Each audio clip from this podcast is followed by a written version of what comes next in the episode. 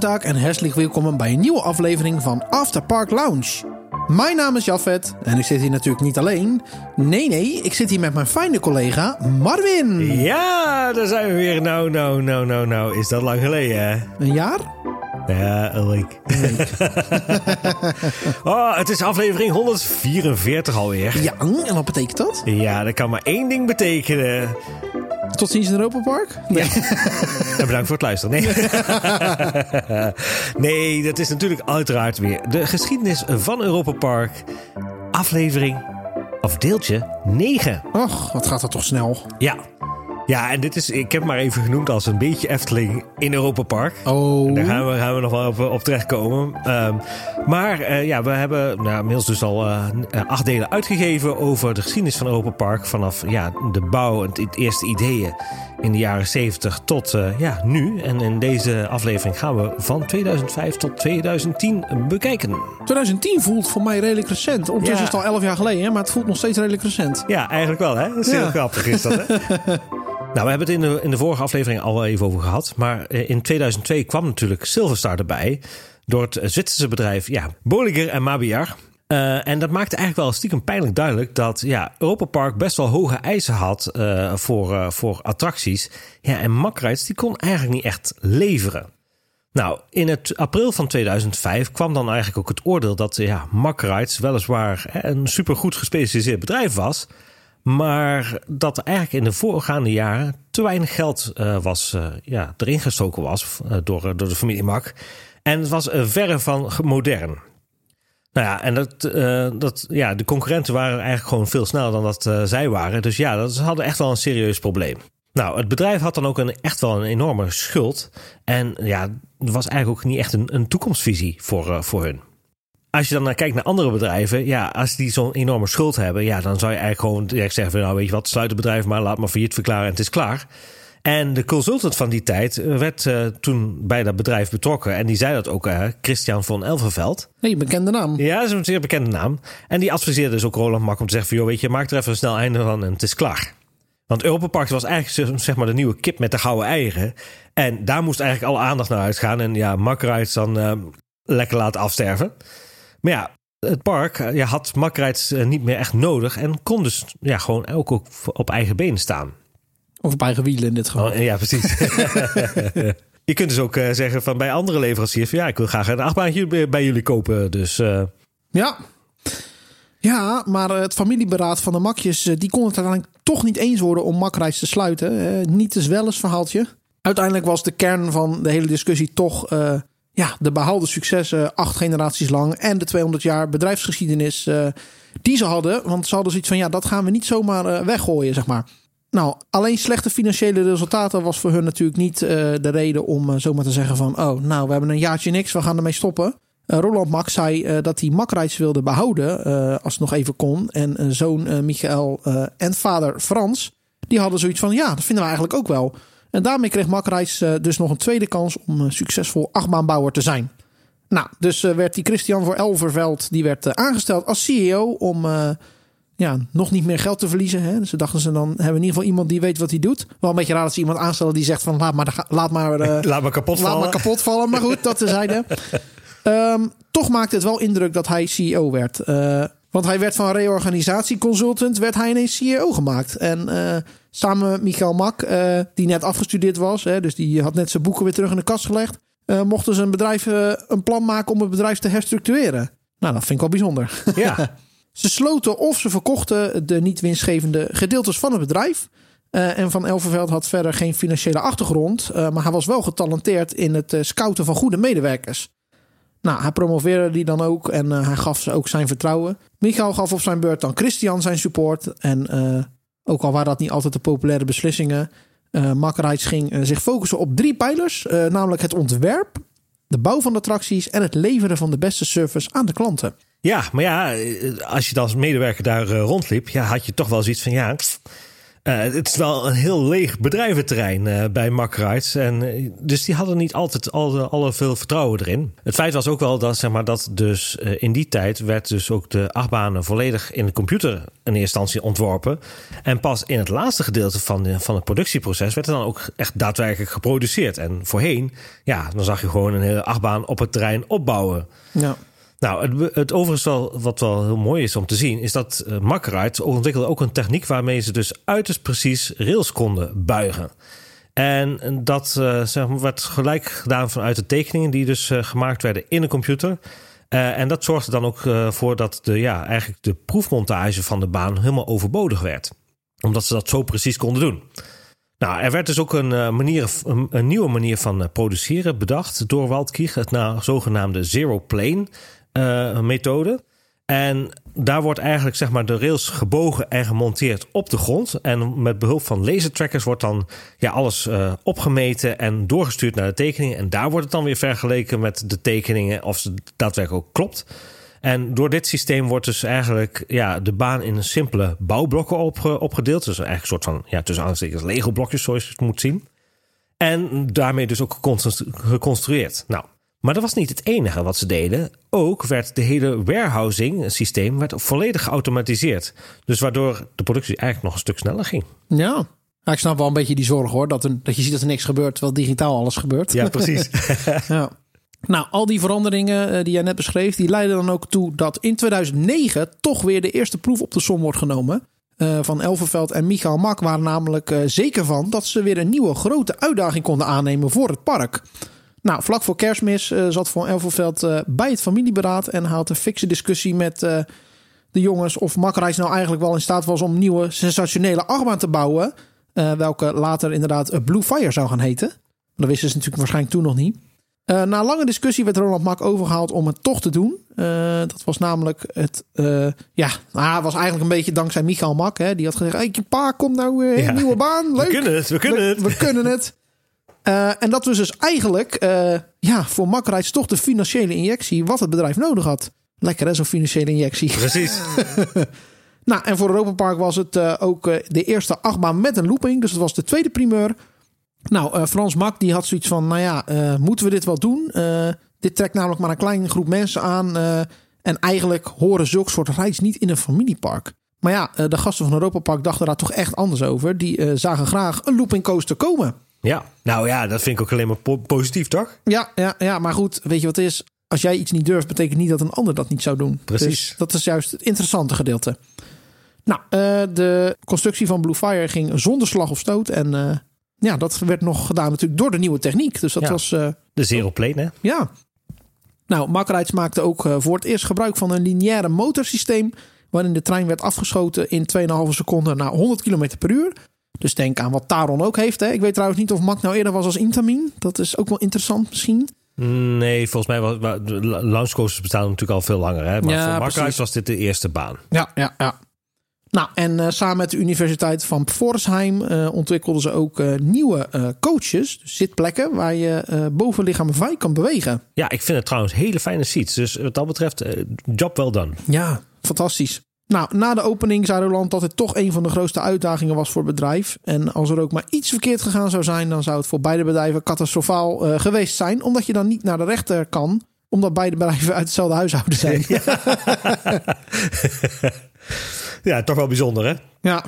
Nou ja, um, voor de samenwerking, en daar is het wel, werd toch wel met het omstreden Gazprom uh, samengewerkt. Uh, en dat werd door heel veel mensen toch ook wel met argusogen bekeken. Die hadden zoiets van uh, hoofdschuddend. Mm, misschien moeten we dat niet doen. Maar ja, voor Roland Mak was het gewoon simpelweg een strategische keuze. Het zorgde ervoor dat ja, ook Europa Park in Rusland toch een zichtbaarheid kreeg. En de samenwerking leidde dan ook tot de bouw in 2010 van de Gazprom Half Conferentiecentrum. Nou, inmiddels weten we met de laatste recente zaken. Even terug naar 2022. 2022, dat uh, die sowieso die, die Gazprom, dat heeft natuurlijk een x aantal jaar geduurd. Uh, daarna is het overgegaan naar, naar eh, Nord Stream 2, wat natuurlijk ook weer gelieerd is aan, aan het hele Gazprom. Maar goed, inmiddels is het stukje Gazprom helemaal verwijderd. Ja, maar daar gaan we binnenkort een nieuwsaflevering nog wel over hebben. Precies. Even terug uh, naar 2009. Uh, was natuurlijk dankzij Blue Fire dus ver uit de rode cijfers geraakt. En Van Elverveld kreeg eh, de zegen van familie Mak. En zelfs Frans Mak, die was zei van... Nou, dat heb jij goed gedaan. Precies. Nou, en uh, vlak uh, voor het overlijden in 2010 zei Frans Mak nog tegen Christian... nu is alles goed in Waldkirch. Dus dat Ja. is al een mooi einde voor hem, zeg maar. Ja, dan, dan, dat, dat is toch denk ik wel een mooi compliment. Zeker Ja, als, eh, zeker. ik bedoel, Frans Mak die heeft natuurlijk de hele Mack-rides natuurlijk eh, in dat nieuwe era ge- geleid. En als je dat De dan Godfather, hè? Ja, precies. als hij zegt, je hebt je zegen, je hebt mijn zegen, dan eh, is het goed. Nou, Ja. dat is helemaal prima. Nou, in 2005, eh, overigens, in die periode, kwam ook voormalig Efteling-ontwerper Michel den Dulk voor Europa Park werken. En ja, de reden was is dat hij bij de Efteling eh, naar een andere betrekking moest omzien. Om het maar in hele nette woorden om te omschrijven. Een andere betrekking? Ja, een andere betrekking. Wat is Ja, dat? Een andere baan. Oh, hij, dus hij was gewoon ontslagen. Ja. Hij, moest maar ergens naar, anders naartoe gaan. Ehm, nou ja, het, voormalige hoofd van R&D van de Efteling, eh, ja, Lex Lemmens, die heeft toen eigenlijk eh, Roland Mak gelijk aangeschreven van, hey, er komt een goede ontwerper vrij.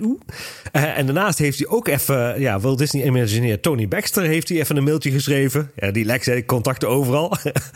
Met het feit dat Michel vrij kwam. Maar goed, Roland die belde Lex op van, joh, hey, kom eens even op bezoek. Want dan wil ik eens even met, met, met, over Michel eens even babbelen. Wat dan ook weer ja, eh, resulteerde dat hij op sollicitatiegesprek mocht komen. En eh, hij had ook nog wel twee andere uitnodigingen overigens eh, om te komen werken. Maar uiteindelijk heeft Michel voor Europa Park gekozen. mede omdat hij natuurlijk ook dan gelijk hoofdontwerper werd van Europa Park.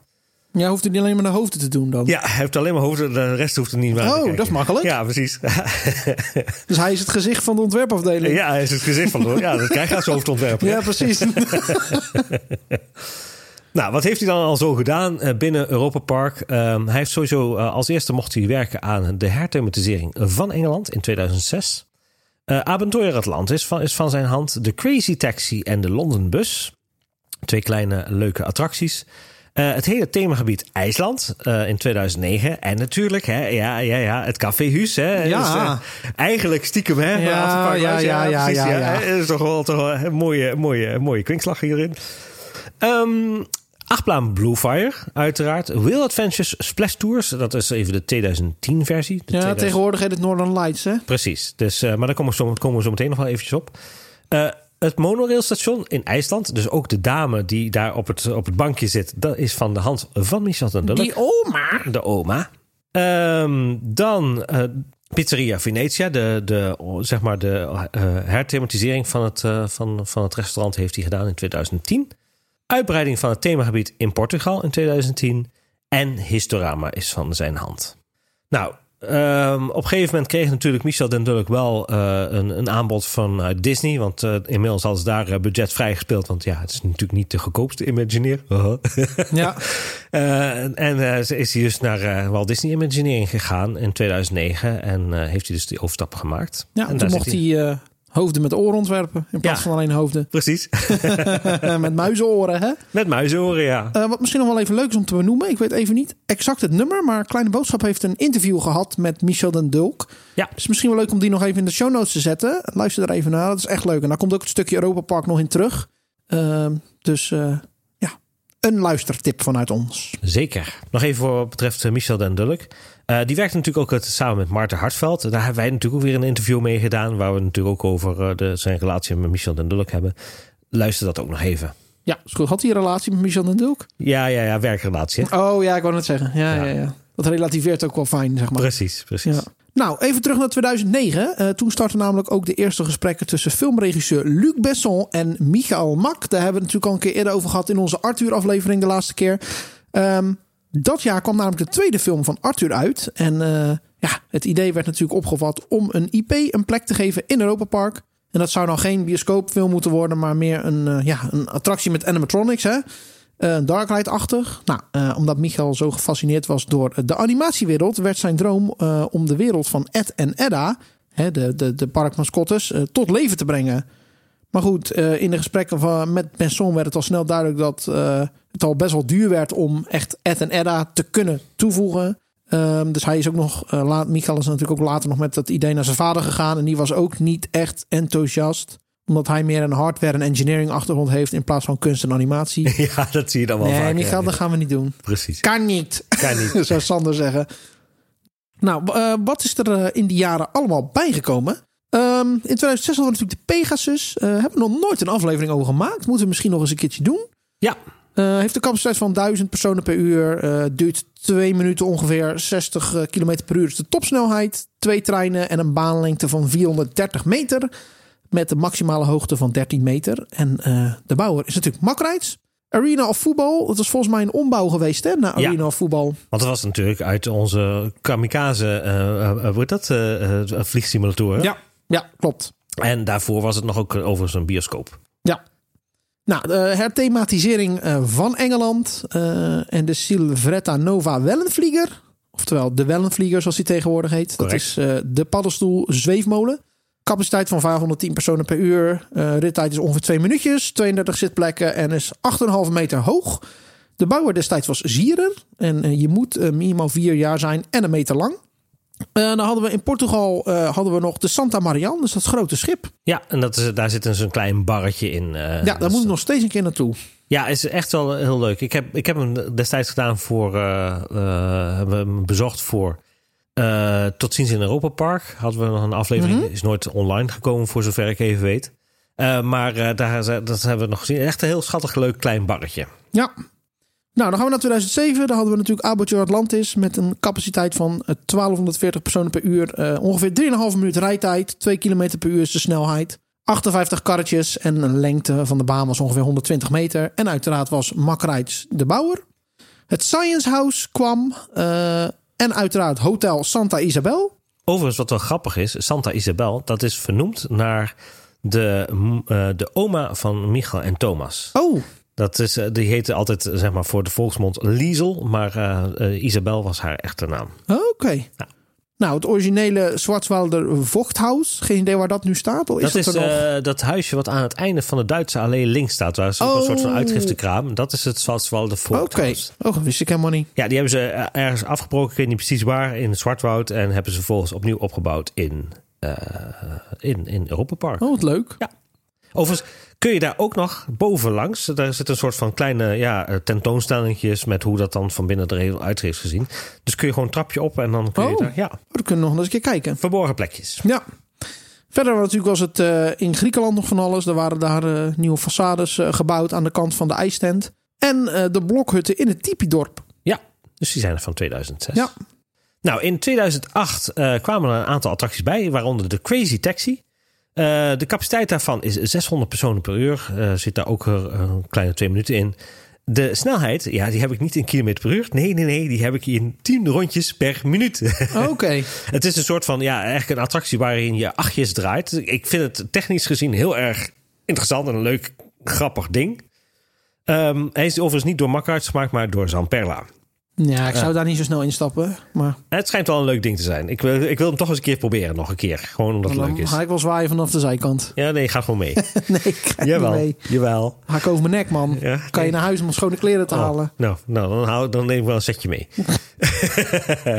uh, het biedt plek voor 12 volwassenen en 12 kinderen. Overigens, een leuk feitje, grappig dingetje. Uh, de nummerbord die heeft MDD.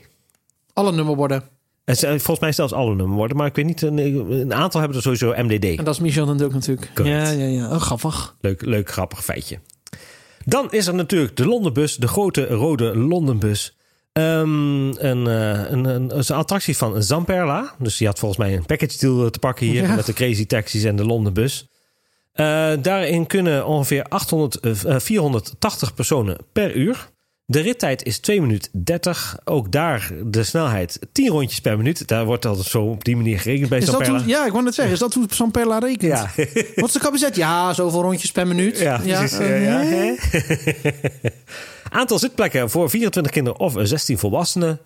Um, en uiteraard is daar de minimale leeftijd 6 jaar of 1,20 meter. Daaronder kan, maar dan moet het wel onder begeleiding van een volwassene zijn. Nou, wat er ook toegevoegd werd, uh, en dat werd overigens ook door Michel duidelijk gedaan, is het zelfbedieningsrestaurant Bamboo Bay. Uh, naar vergelijking natuurlijk in, uh, in, in Pirates of the Caribbean. In Disney uiteraard. ook voor Santa Isabel kwam er een uitbreiding in het hotel. Dat namelijk het hotel-restaurant Sala Santa Isabel. Overigens gegeten, een heerlijk buffet, kun je zeker aanraden. Er zijn ook weer extra bolokhutten bijgebouwd in het Tipvidorf. Konden er nog wel een paar bij. Uh, het bronzen standbeeld van Frans Mak uh, werd geplaatst uh, bij het Slosrestaurant of Slospark. Oh ja, ja, ja. ja. die overigens door de Nederlander Wim Steins gemaakt is, by the way. En ook werd de weg werd omgelegd ehm, bij IJsland.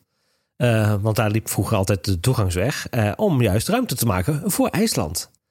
Het grappige is, is als jij nog achter de schermen gaat bij, um, bij Rusland, dan loop je nog over die oude toegangsweg. Dat hebben ze nooit veranderd. Ze hebben ze nog een paar parkeerplaatsjes gemaakt. En ik denk, ik weet niet, als, alsof als, als dan um, Kroatië komt, zeg maar, of dat dan, dat dan wel weggehaald wordt, of dat het gewoon op blijft, of dat je misschien zelfs kunt gaan zien. Oh, ik ben benieuwd. Ja. Nou, in 2009 uh, kwam natuurlijk het themagebied IJsland bij, hè, want daar hadden ze net ruimte voor gemaakt. Uh, Bluefire kwam erbij met een capaciteit van maar liefst 1720 personen per uur. Zoals we al eerder gezegd hebben, is die natuurlijk door Makrides gemaakt. Uh, de rittijd is ongeveer 3 minuten en 20 seconden. snelheid, maximum snelheid is 100 km per uur. het heeft vijf treinen. en het wel grappig is, is als, als, als je zeg maar het gewicht van de trein zou hebben, bijvoorbeeld volledig bezet, ongeveer 10 ton. Zo. Ja, dat gaat wel lekker door, door de baan. Als mes door boter. Uh, per uh, trein kunnen 20 personen plaatsnemen. Uh, de baanlengte zelf is ruim een kilometer. Maximale hoogte 38 meter.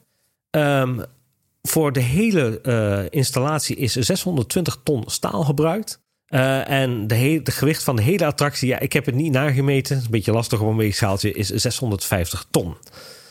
maximale G-kracht is 3,8 G. Uh, de lounge is ongeveer 80 meter uh, en de minimum, minimale restrictie is 7 jaar of 1,30 meter.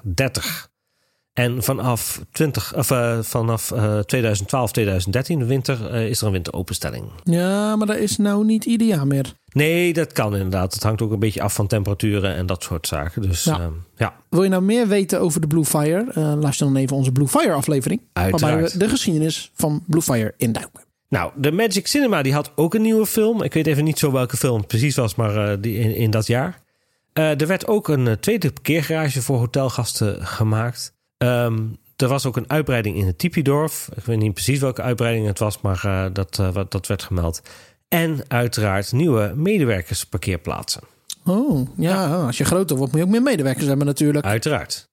Nou, dan hadden we in 2010 nog van alles. Uiteraard kwam uh, Will Adventures. Ik denk dat dat de enige grote attractie was in 2010 die destijds open ging. Dat heette toen nog Will Adventures Splash Tours. Uh, dat had een capaciteit van 835 personen per uur. Baanlengte 160 meter. Ja, laten we zeggen 4,5 minuut onderweg was je. Uh, acht personen per boot. En in 2015 is die attractie vernieuwd door Pascal Schouten. Ja, uh, ontwerper van destijds. Uh, ook een Nederlander overigens. Ja, en die heeft dus uh, het een en ander veranderd. zo is de baan overdekt geworden. Het laatste gedeelte. Waar nu die wheels zitten. En is de naam dus ook veranderd naar Northern Lights. Ja. ja, dus dat is wel leuk. En uiteraard is Makkerheids de, ja, de leverancier. En overigens, dat is wel grappig om, om te weten. We hebben natuurlijk een interview gehad met Patrick Marks. Uh, natuurlijk eerder. En daar uh, meldde hij ook inderdaad over dat Piraten in Batavia, hè, de nieuwe versies, en daar komen we natuurlijk in de latere aflevering wel weer op. Um, die heeft dus uh, dezelfde onderstellen als inderdaad de Will Adventures. Oh, grappig. Ja. Leuk. Nou, wat was er verder nog? De Gazprom Erlebniswelt, oftewel de ja, ontdekwereld van, van, van, van Gazprom. Hè? Alsof ja. je dat wil ontdekken. Met uh, ook nog twee conferentiezalen erbij. En dan had je volgens mij ook nog een soort countertje waar je lekker iets kon eten. Ja. Verder was, uh, werd de Western Saloon in Tipidorf toegevoegd. Ja, Tipidorf, dat ging helemaal through the roof. Ja. um, opende Casa Atlantica. Dat is het uh, afhaalcountertje in Portugal. Pizzeria Venetia werd omgebouwd. Je had het er net al even over. dat werd toen gedaan. En er kwam een nieuw monorailstation in IJsland. En Historama deed zijn entree, want die attractie stond er natuurlijk al onder het chocoladethema, maar die uh, is uh, veranderd naar Historama. Uh, en dat ontwerp wat we nu tegenwoordig zien is van Michel Dendolk. heeft drie buren van ongeveer drie minuten, dus je zit 18 minuten in die attractie. 700 personen per uur, dus dat is 60 personen per ja, zaal, zeg maar. 27 digitale videoprojecties te zien, 9 laserprojectoren. Uh, en het was destijds, uh, is dat nog steeds zo? Volgens mij wel. De hoogste de attractie met de hoogste capaciteit. Die had namelijk 4000 bezoekers per uur. Ja, schitterend toch? Bizar. Nou, vroeger waren er zes showruimtes, maar doordat Historama is gekomen, zijn dat er nu nog maar drie. En ja.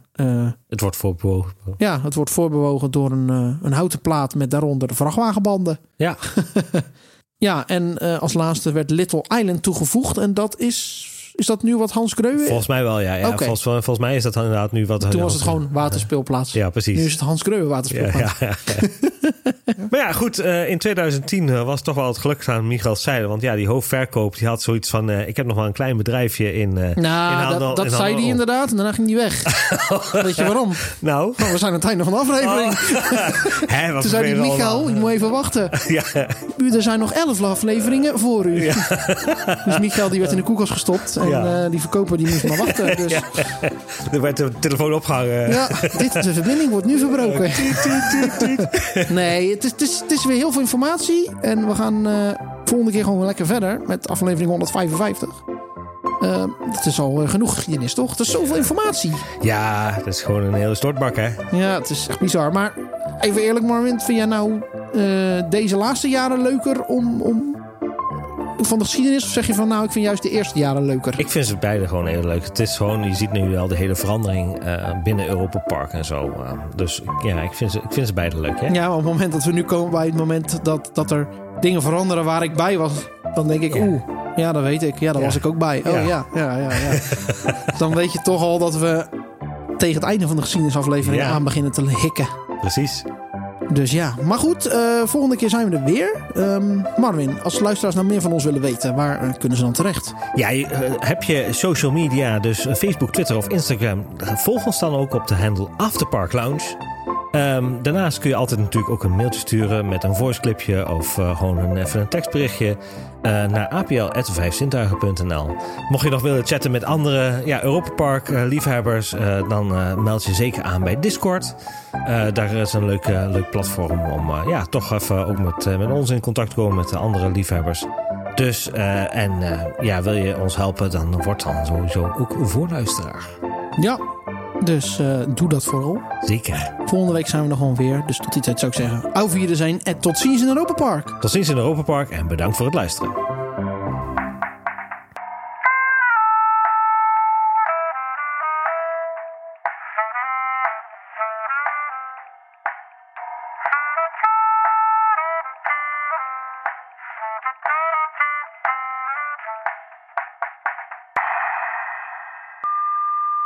Door het Zwitserse bedrijf, ja, Bobi, uh, Bo. Gezondheid. ja. En ja, wat betreft die etalagefunctie, ja, ik bedoel, je kunt ook gewoon hè, naar andere leveranciers toestappen en zeggen: Ik wil graag een achtbaantje bij jullie komen. Kopen. Sorry. ik wil graag een achtbaan bij jullie komen. Uh, ja. uh, wat? want hij werd van reorganisatieconsultant dat is een moeilijk woord weer. Ja, reorganisatieconsultant. Want hij. Uh, want hij werd van reorganisatie. Uh, nou, gaan we weer. um, dan uh, pizzeria, pizzeria Italië. Venetia. Oh, pizzeria Venetia. En mocht je nog uh, meer willen chatten met alle andere uh, Efteling, of,